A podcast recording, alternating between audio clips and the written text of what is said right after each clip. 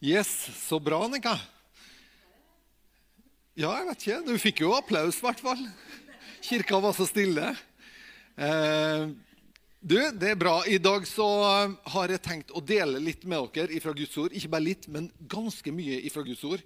Så i dag så er det litt sånn 'fasten your seatbelts'. Eh, og, så, bli med oss, for vi skal på ei lita reise i Guds ord i dag. Og så tenker jeg også det at eh, i dag så skal jeg kjempe en kamp for din frihet. Eh, og jeg ønsker å kjempe en kamp for din økonomiske frihet i dag. Eh, for vi har ikke kamp mot kjøtt og blod, men eh, mot makter og myndigheter. Og så står det også noe om at eh, vi må ta tankebygninga til fange eh, og legge dem i lydighet under Kristus. Så, så, det, så det liksom det skal skje. Så i dag så skal vi snakke om keting. Vi skal snakke om økonomi, vi skal snakke om penger, vi skal snakke om dum, du, du, du, dum, dum, dum, dum, dum, du, du, du. Er det noen som er der? Nei. Det var veldig helliggjort at det ikke var. Det var Pink Floyd sin 'Money'.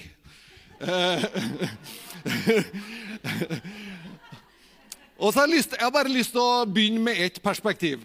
Og det er rett og slett det at uh, når jeg var 19 år, da ble jeg en kristen. Og dem som ble kristen sammen med meg, det var jeg sjøl, og så var det skateboardet mitt. Eh, så jeg og tok med meg skateboardet mitt, og så ble vi liksom, vi ble frelst. da. Så skateboardet gikk gjennom en forvandling, og det var at den slangen som var under Det var liksom, det var sånn motiv av en slange under skateboard. Det bruker jo å være sånn at det er litt sånn ulike motiv under et skateboard. Og der var en slange.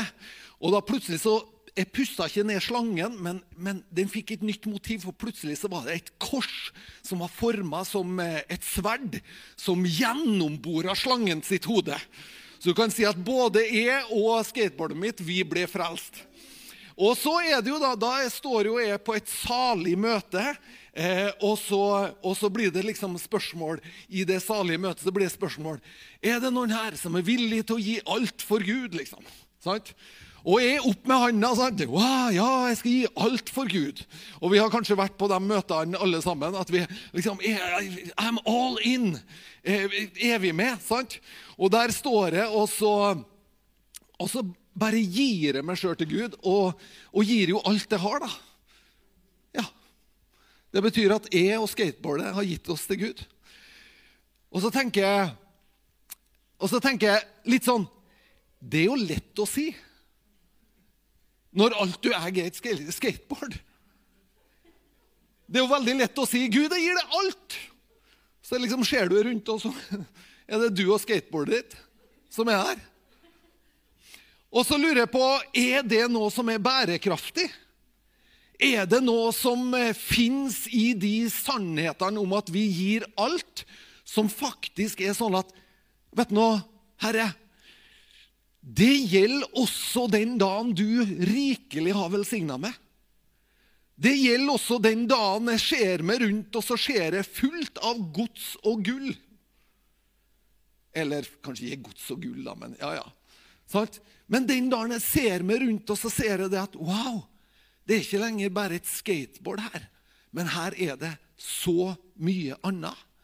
Kan vi, bære, kan vi leve bærekraftige liv som gjør at de, til og med den dagen så kan vi si Herre, vet du noe? Det her er ikke mitt. Det tilhører det. Det er ditt, Herre. Skjønner at den lugger litt mer, gjør den ikke? Er vi villige til å gi alt for Herren? Er vi villige til å si at du, det du har velsigna med meg, det er ikke mitt, men det er ditt. Og Det som vi skal se litt på i dag, da, det er denne muligheten vi faktisk har til å si det at vet du nå, det som hører meg til, det hører det til. Du, Vi er nødt til å be, altså, fordi at det som skjer når vi snakker om penger, da blir alle stille. Og så blir noen nesten litt småsint i utgangspunktet, så derfor så må vi be til Gud. Ok? Takk, Jesus, for at du er herre i våre liv. Og vi ber Jesus om at ditt herredømme skal få lov å gå over hele livet vårt, over alle de områdene som fins i livet vårt, også vår økonomi. Hjelp oss du ved ditt ord Levendegjør ditt ord for oss, Herre, sånn at vi får lov å oppleve noe nytt. En ny åpenbaring i dag. En ny opplevelse av din storhet i dag, i Jesu Kristi navn. Amen. Amen. Ok, Da kan du få lov å snu deg til den som sitter ved siden av deg, og så sier du bare 'det går bra'.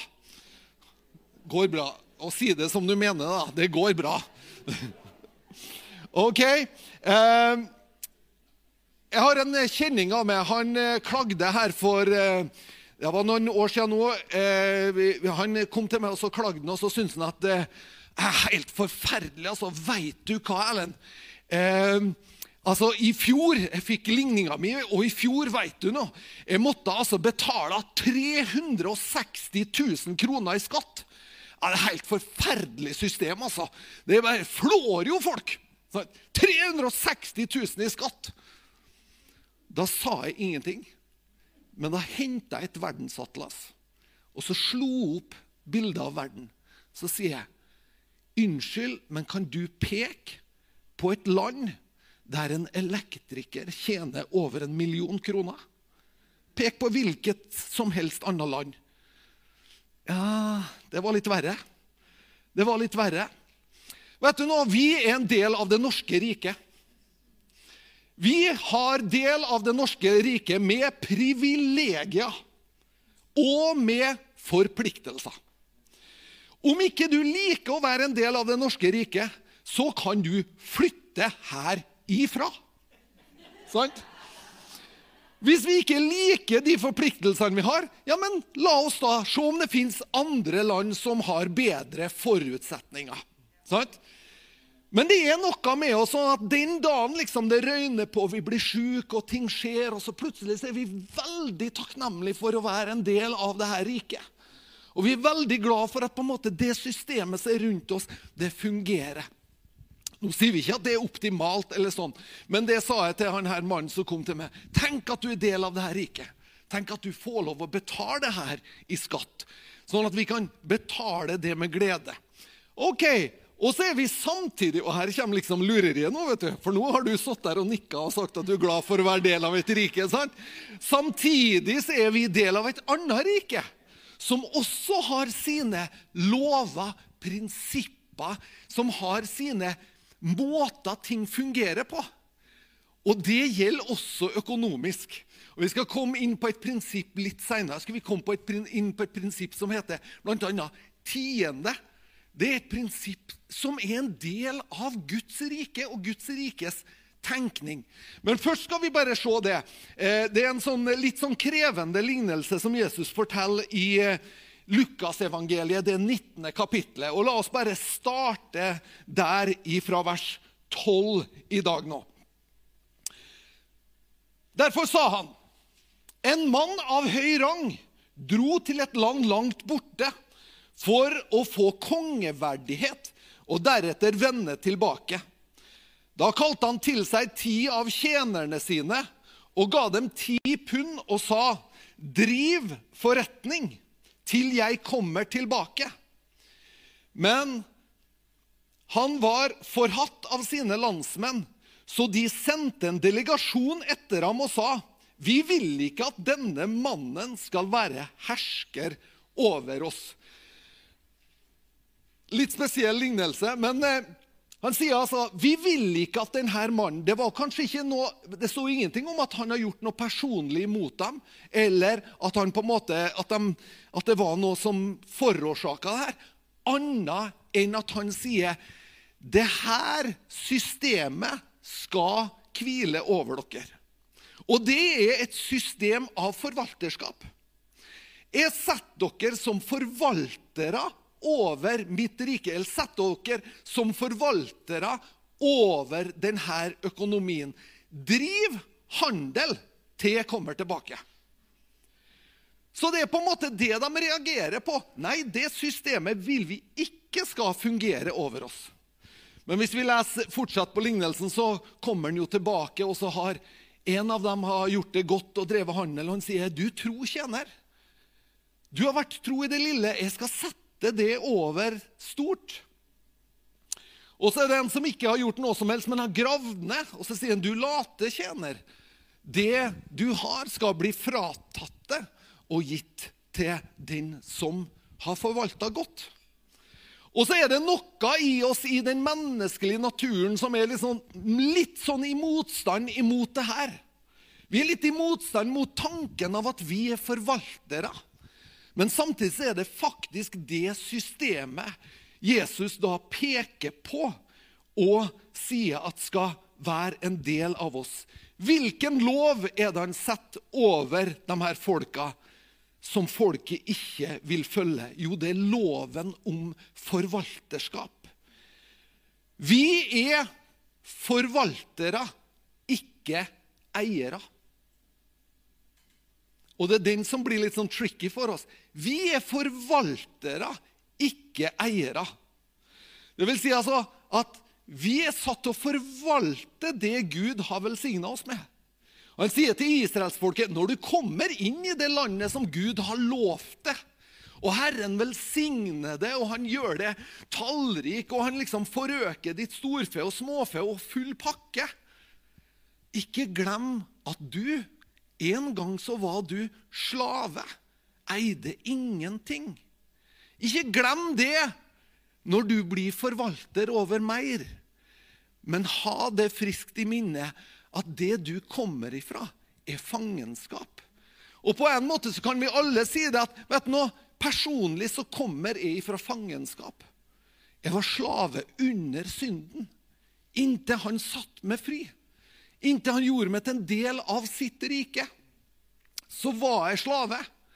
Men nå har han invitert meg inn, sånn at jeg kan få være en del av hans rike. Jeg har bare lyst til å lese denne ene setninga i vers 13 på engelsk fra uh, The Passion-oversettelsen. Og jeg har oversatt den til norsk da, fra Passion. Jeg betror hver av dere 50 000 kroner til å investere mens jeg er borte. Driv handel med dem, og sett pengene i arbeid inntil jeg kommer tilbake. Vi er altså betrodd. Vi er betrodd. Vi er betrodd for å investere. Og vi er trodd for å investere og drive handel. Jeg skjønner at det her lugger nå. altså. Jeg skjønner det er helt i orden. Men du kommer til å overleve det her. Og vi skal ikke bare drive handel, men vi skal sette pengene i arbeid. Og det å sette pengene vet du nå, De aller fleste av oss vi lærte opp til det at det er vi som arbeider for pengene. Sant? Vi har hørt det siden vi gikk på skolen. Så vi sa, ja, men Erlend, du må få deg en skikkelig utdannelse, sånn at du kan få deg en ordentlig jobb, sånn at du kan få godt betalt. Og da går det bra i livet. Sant? Det er det norske systemet. For da blir alle vi, vi blir fine og lydige borgere som betaler skatten vår, og hurraluja. Men her sier han noe annet. Han sier at vi, vi er betrodd noe, sånn at vi kan forvalte det og investere det. Og når vi investerer det og driver handel med det, da er det vi setter pengene i arbeid. Da er et annet prinsipp. I stedet for at jeg jobber for pengene, så er det faktisk sånn at pengene begynner å jobbe for meg. De gjør sin jobb for meg og for det. Og så vet vi det at det er ikke min streven som gjør at jeg blir rik, eller at du blir rik, eller at vi blir forvalter av mer. Det er faktisk Herrens velsignelse. Og det står i, eh, i Salmos ordspråk 10. Der står det det er Herrens velsignelse som gjør rik. Eget strev legg ingenting til. Og hvorfor skulle, Hvis Herren ikke var interessert i det, hvorfor skulle han da være interessert i å velsigne oss? Eller er det sånn at han er interessert i det her? Hva tror du? Er det sånn at Herren er interessert i deg og meg? Ja. Han er interessert. Ja, men Ellen, ja, men det er jo viktigere å snakke om at vi er frelst av nåde. og sånn. Ja, vi er frelst av nåde. Det, der kan vi ikke legge noe til. Men hvordan vi bygger på det, det er viktig for oss, sånn at vi blir gode forvaltere av det Herren betror oss. Økonomi er faktisk et sentralt tema i Bibelen. Det står om økonomi over 2500 ganger i Bibelen. Det er ganske mange ganger. Hvis du leter etter ordet 'frelse', som er det sentrale budskapet i Bibelen, så står det 36 ganger. Så det er faktisk sånn at det her Og ofte når Gud snakker om økonomi, så snakker han om at han prøver oss med den her. Han sier når vi er trofast i i, i, på en måte det her som han da kaller det lille. Sant? Da kan en også sette oss over det som er av større verdi. Det som er av de åndelige godene. Men det her er alltid en test for oss. For, og hva er det en test på? Jo, vet du noe, det er en test på at jeg og du tør å stole på Herren. At vi tør å stole. Ja, men det er jo herlig å synge i lovsangen, liksom. Da er vi med. Men det er herlig også om vår økonomi ikke bare er Det er mitt. Ligg unna. Herre, alt jeg har, har du velsigna meg med. Alt det som du har gitt meg, tilhører det. Ja, men jeg trodde det var bare 10% som hørte Herren. Det er jo lett at vi tenker ja, men nå har jeg gitt tiende, da er jeg ferdig, da har jeg gjort mine forpliktelser. Ja, det kan du si. Men tenk hvis vi isteden kan tenke som gode forvaltere, kan vi tenke at alt hører Herren til. 10% det går rett til Han. Og så får jeg lov å forvalte de 90 andre prosenter. De får jeg forvalte i gudsfrykt, i ærbarhet. får jeg lov å forvalte dem. Og skape med dem den økonomien som bringer velsignelse til meg sjøl og til andre mennesker. I første Timoteus brev der står det Kjærligheten til penger er roten til all slags ondskap. Kjærligheten til penger, altså ikke penger Mange tror at penger er roten til alt ondt. Men det er kjærligheten til pengene det vil si, altså hvis jeg begynner å ha kjærlighet til det Gud har betrodd med meg, da er det en rot til ondskap i meg. Og Derfor så er faktisk det å være en giver og det å være sjenerøs det er en sånn god måte å knekke litt denne kjærligheten på. Litt sånn Når du gir 10% til Gud, så er det faktisk sånn at hver gang du får lønn, så sier du til økonomien din at vet du, jeg vil at du skal bøye det for Gud. Det er ikke lønningsposen min som er min forsørger, men det er Gud som er. Og når du gjør det, så på en måte omskjærer du lønninga di, og så sier vet du noe, du skal tilhøre Herren. Du skal tilhøre Herren. Gud vil at vi skal lykkes. Og Det er også et sånn skummelt ord, og det, vet, det, skjønner jeg.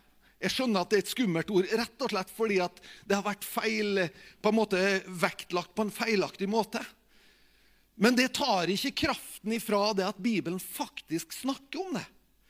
At om du Om du Som det står i Salme 1 Om du vandrer Om du ikke vandrer i ugudeliges råd og ikke står på synderes vei eller sitter i spotteres sete. Men om du har din lyst i Herrens lov og grunner på Hans lov dag og natt, da skal du være lik et tre som er planta ved elver av vann, som gir sin frukt i sin tid, og har blader som ikke visner. Og alt det du, skal, det du gjør, skal lykkes. Litt det samme finner vi som Josva blir oppmuntra med i Josvas bok, kapittel 1. Denne lovboka, altså de prinsipper som denne lovboka underviser oss Denne lovboka skal ikke vike fra din munn, men du skal meditere på den dag og natt, så du vokter det og gjør etter alt det som er skrevet i den. For da skal du ha framgang på din vei, og alt skal lykkes for deg har ikke befalt det, vær sterk og modig. Vær ikke redd og bli ikke skremt. For Herren din Gud skal være med deg overalt der du går. Bibelen er tydelig på at gudsfrykt, Gud, det at vi frykter Gud, fører til framgang. Og så er det på en måte, Hva er det da å frykte Gud? Hva, altså, betyr det at vi er redd Gud? Nei, det betyr det ikke. Men jeg, jeg, var, jeg, altså, jeg er, jo, fra Tingvoll, og da er det sånn at jeg er litt, er litt fornøyd når jeg kommer på noe som høres smart ut. Eh, du er sikkert mer vant til å komme på smarte ting enn meg. Men her om dagen så tenkte jeg på hva er gudsfrykt? Og så tenkte jeg at gudsfrykt handler egentlig om hvem spør du først? Hvem spør du? Hvis jeg er opptatt av hva alle kompisene mine tenker og synes, og da er jeg opptatt av hva syns du, hva mener du om det her? Hva syns du om buksa mi, hva syns du om jakka mi, skjorta mi? skjønner du? Hvis vi er opptatt og frykter egentlig hva de syns om meg, sant? da er det dem vi spør først.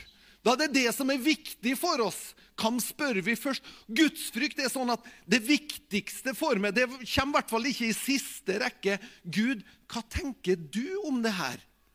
Så gudsfrykt er for oss å si, Gud, hva mener du? Hva står det i denne lovens bok? Hva står det i dette ordet?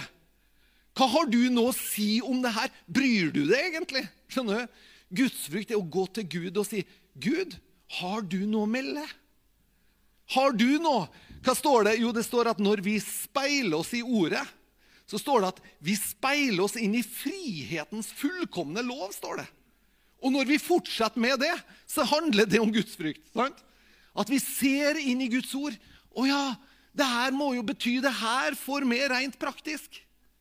Det handler om gudsfrykt. Det handler om å si at Gud, du har rett. Du har mer peiling på dette livet enn hva jeg sjøl har. Sant? Og når jeg da ser at oi, her står det visst noe om det her, da vil gudsfrykten si Erlend, da trenger du faktisk å legge om kursen litt. Da trenger jeg i hvert fall å få lov å trigge meg til å utforske på en ny måte. Da trenger jeg å oppmuntre meg.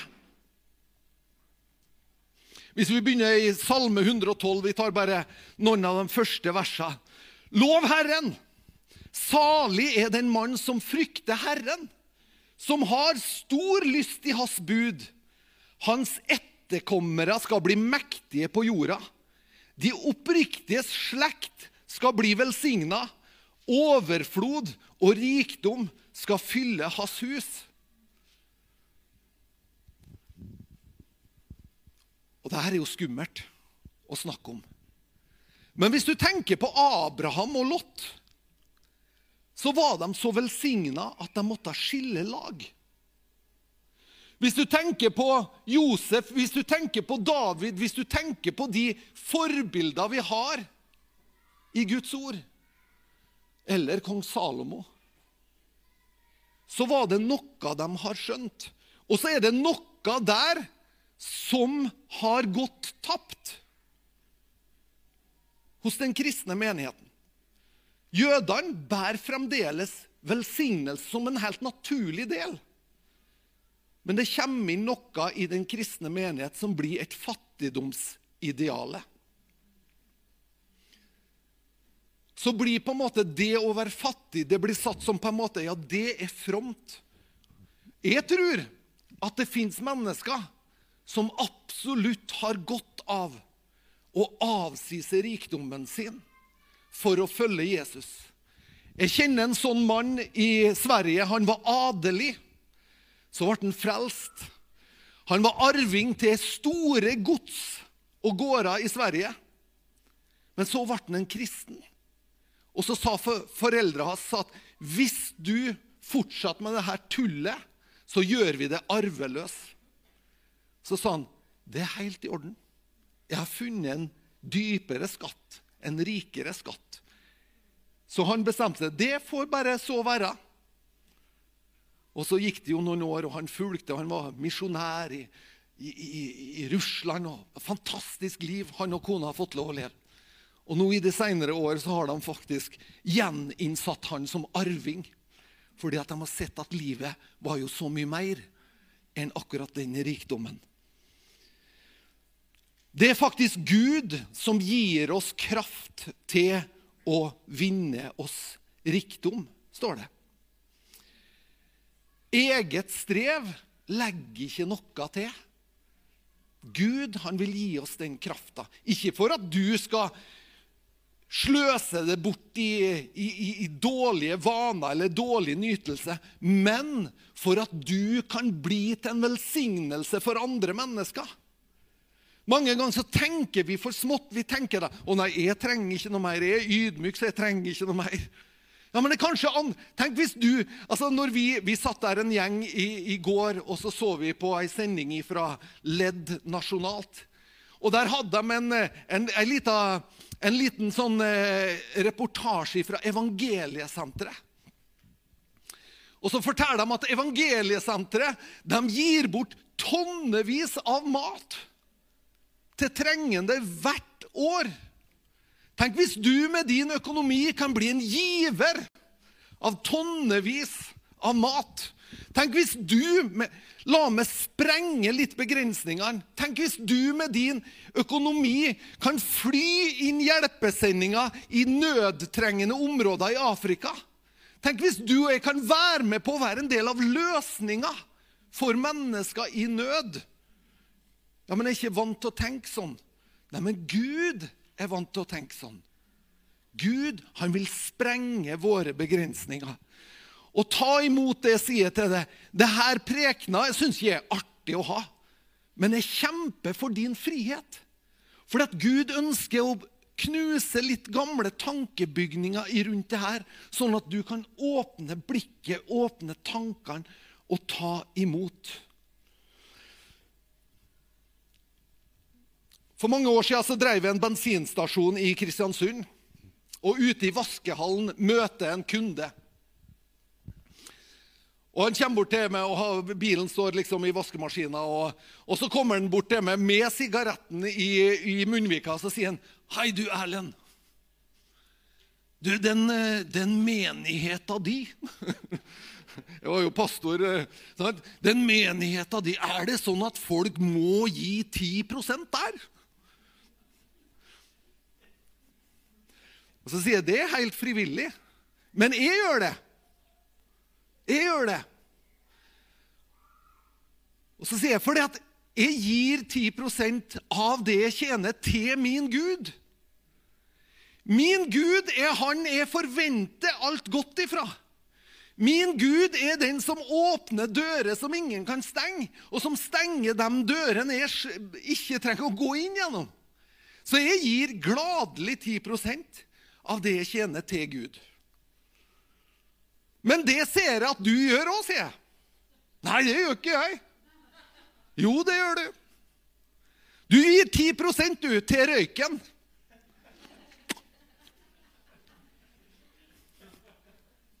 Mener du det? Ja, du gir 10% Hvor mye røyker du? Og så regna vi ut. Han brukte 75 000 på røyk i året. Han ga mer enn 10 så spør jeg hva godt har røyken din gjort for deg i det siste? Hvis du kan fortelle meg det, så kan jeg sette meg ned og så kan jeg fortelle hva godt min Gud har gjort for meg i det siste.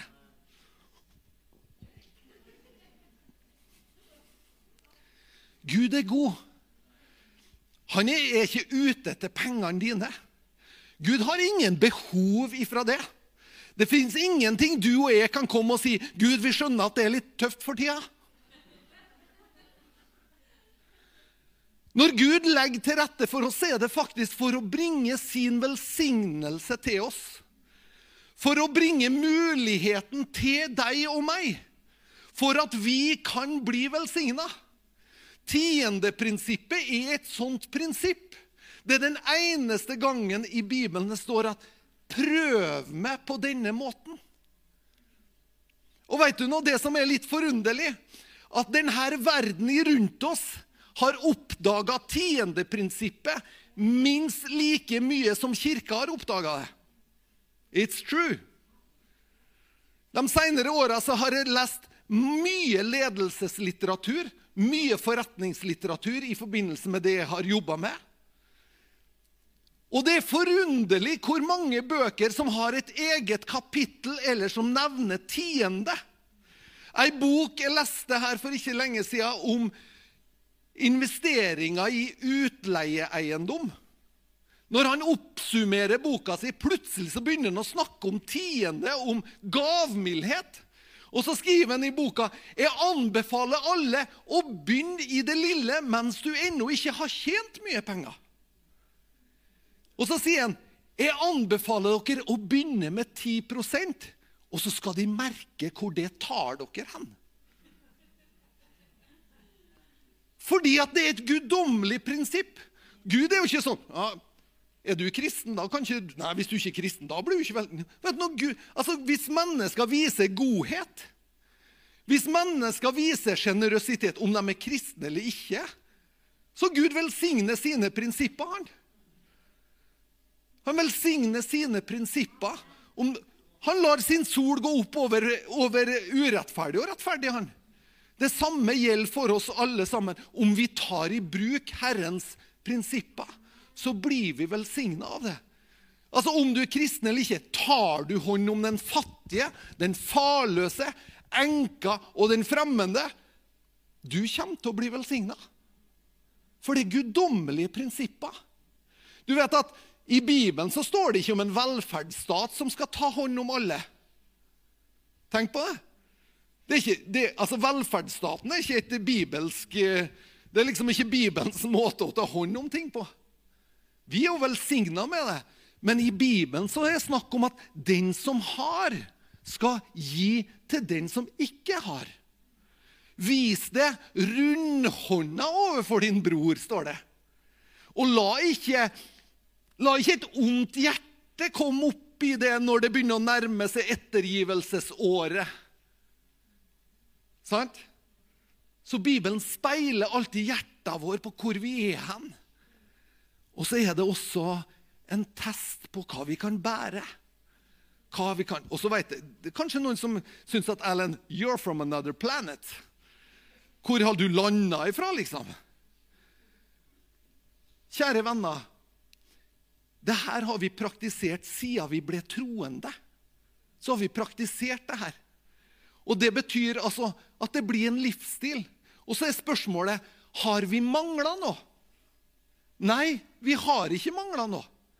Vi har snarere vært forundra over hvor nydelig det har vært å sette Herrens hånd i ulike ting. Og hvis vi kan oppmuntre hverandre og si at ja, ja, men la oss strekke oss, da. Ja, men hvis jeg har vunnet, vunnet fem millioner i Lotto, da skulle jeg gitt til kirka. Da skulle jeg gitt 20, eh, 1 million til kirka. Jeg tror ikke på det. Hvis du ikke er villig til å gi av det lille du har, så kan ikke Gud heller betro det til større. Men hvis vi er villige, så mange mange her i, du, her i salen så sitter helter. Her sitter kanskje ikke store donorer liksom, der vi liksom drar fram, fram brassmusikken når de skal inn og gi. Men det fins trofaste givere. I salen her fins det mange mennesker som har gitt millionbeløp. Opp gjennom åra så har de gitt millionbeløp. Ikke fordi det har vært de store summene, men fordi at de trofast bringer inn. Og Derfor så kan vi bygge Guds rike. I Malakias, de kjente versene Og la meg bare si det før vi går inn til Malakias. Så la meg si det at tiende, For noen, noen sier at ja, men tiende det hører under loven. Det er loven, det er Moseloven, så det er vi fri fra. Tiendeprinsippet kom lenge før Moseloven. Og det er et fantastisk prinsipp som er rettferdig. For det betyr har du mye, så er det et stort beløp. Har du mindre, så er det tilsvarende mindre beløp. Men det er et rettferdig prinsipp. For det er på en måte like mye for oss alle sammen.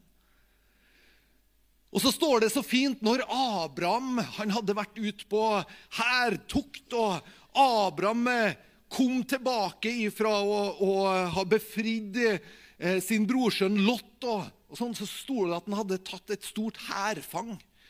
Og så sto det at han kom, og så kom Melkisedek, som var øverste prest for den høyeste Gud. Han kom, og så gikk han ut til Abraham med brød og vin. Han gikk ut på en måte med det vi tenker på som nattverden, paktsmåltidet, for å si at 'jeg er med det, og du er med meg'. Der kommer Melkisedek, og så står det og Abraham ga han tiende. Ikke fint? Og I hebreerbrevet så, så tar hebreerbrevets forfatter oss med, og så grunner han litt på det her. Og så sier han det at det er vel ingen tvil om at det var den ringere Abraham som ble velsigna av den høyere. Er ikke det fint? Så sjøl om Abraham var den som fysisk brakte noe til bordet, og sa det 'vær så god, Melkisedek', så konkluderer hebreerbrevets forfatter med at den som stakk av med den største velsignelsen, det var faktisk Abraham sjøl. Så det er noen prinsipper her som er guddommelige, og som er litt annerledes enn hva vi tenker. Er du ung her i dag, så anbefaler jeg deg å lære deg de her prinsippene når du er ung. Jeg har undervist de her prinsippene til gutter som er venner av min egen sønn, og sagt gutta, de må lære dere å gi 10% Og de, ja, Det har jeg aldri hørt før. Ja, men de må lære dere det. Ja, hvorfor det? Jo, for når du gjør det, så sørger du alltid for at livet ditt er større enn deg sjøl. Det er så lett at livet vårt blir små, og at de handler kun om oss sjøl. Og Da snakker jeg ikke om å gi til kirka, men da snakker vi kanskje om å gi til veldedighet eller noe som har betydning for dem. Mm. Og når vi leser i Malakia, skal vi lese det, da. Og da står det ifra Malakias 3, 8 og til 12. Jeg, snart, jeg skal snart gå inn for landing. Det betyr du kommer til å overleve det her. Sant? Så det er bare å fortsette å smile, så blir det bra, der. Og så er, skjønner jo at det er litt sånn heftig å ta opp det her når det akkurat har vært noen dokumentarer som er på TV. og sånt der, Men det, hello, friends. The word of God. Skal et menneske rane Gud? Likevel har dere rana ifra meg. Men dere spør, hva vi rana fra det? Tienden og offergaven.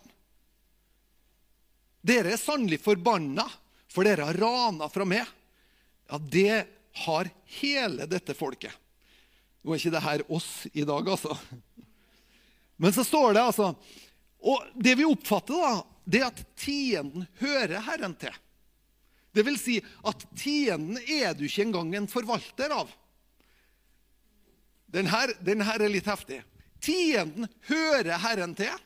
Den skal du bringe inn i lagerhuset, står det. Hør hva det står. Bring hele tienden inn i lagerhuset, så det kan være mat i mitt hus. Det vil si, du er ikke en forvalter av tienden. Den hører Herren til. Den hører til i lagerhuset, det vil si hvor du har ditt åndelige forråd ifra. Så hører du til ei anna kirke enn det her, og du er på besøk her, så skal du bringe tienden til den kirka der du hører hjemme. Det er ditt lagerhus. Det er ditt forrådskammer. Hører du til det her huset, så kan du bringe tienden til det her huset. Men du er ikke en forvalter av den. Dette er et kjempeviktig prinsipp. For noen ganger så tenker vi ja, men nå er jeg litt sur på pastoren. Så da skal jeg ikke gi tiende, nei. Derfor han sa noe på søndag jeg var uenig. Skjønner du? Altså Mange ganger så gjør vi oss til sjøl. Altså, Hva sier vi da? Da sier vi egentlig det her er mitt. Det her bestemmer jeg over. Men Bibelen sier bring det inn. Bring hele tienden inn, hele tienden inn i forrådskammeret. Wow, jeg skjønner at det har ligget Det er så artig! Altså, jeg mener Det er lov å komme og snakke med meg etterpå. altså, Det er lov å utfordre meg. Så det skal være mat i mitt hus. Prøv meg nå i dette, sier herskarenes herre, om jeg ikke vil åpne himmelens sluser for dere og øse en slik velsignelse for dere at det ikke er rom til å ta imot den. Jeg skal true den fortærende gresshoppa for deres skyld, så den ikke ødelegger jordens grøde for dere.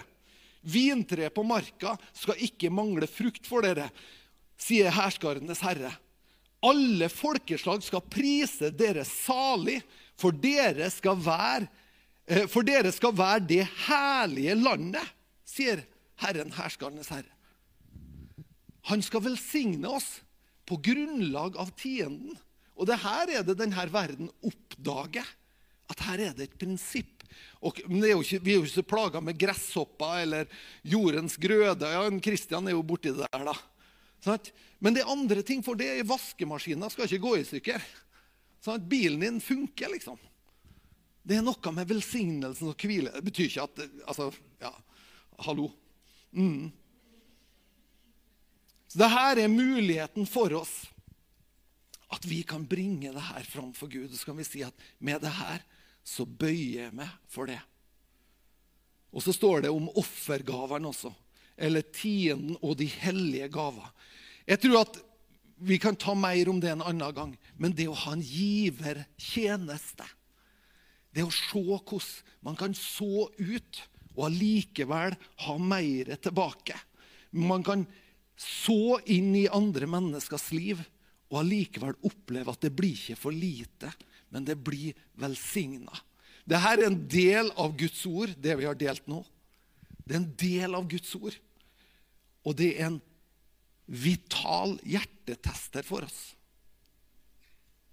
Der vi kan si, 'Vet du noe, Gud, det her er krevende for meg.' Men ta meg på ei reise der jeg kan se forandringer i mitt eget liv. Alle lever? Fantastisk. Tusen takk for at de har hengt i, i, det sammen med meg. Og så håper jeg at hvis du nå er, er, er liksom, føler litt sånn støtt, og sånt der, glem alt jeg har sagt, legg det til sides. Men hvis du er der at du kjenner liksom at det her, oi, det her utfordrer meg til å ta noen nye steg, så ta de nye stegene, og så skal du se at Herren skal velsigne deg. Jeg sier ikke det her og deler ikke det her for å henge ut noen eller for at du skal føle det dårlig. eller noe sånt. Jeg sier det her for å åpne noen dører for deg, sånn at du kan få lov å gjøre deg nye erfaringer med Gud. Så jeg håper at du skjønner hjertet mitt bakom det. Takk, Herre, for din godhet over hver enkelt av oss. Takk, Herre, at du er på ingen måte avhengig av oss, Herre.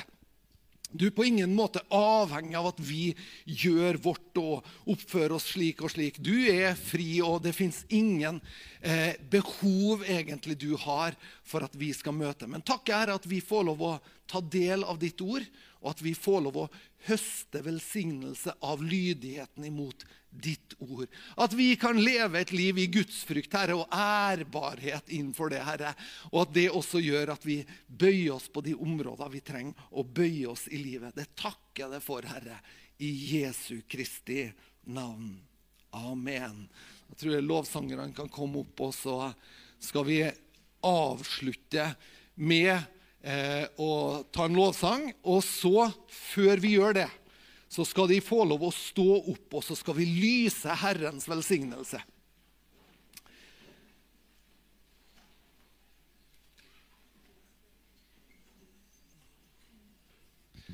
Skal vi ta imot Herrens velsignelse inn i ei ny uke for oss. Herren velsigne det og bevare det. Herren la sitt ansikt lyse over det og være det nådig.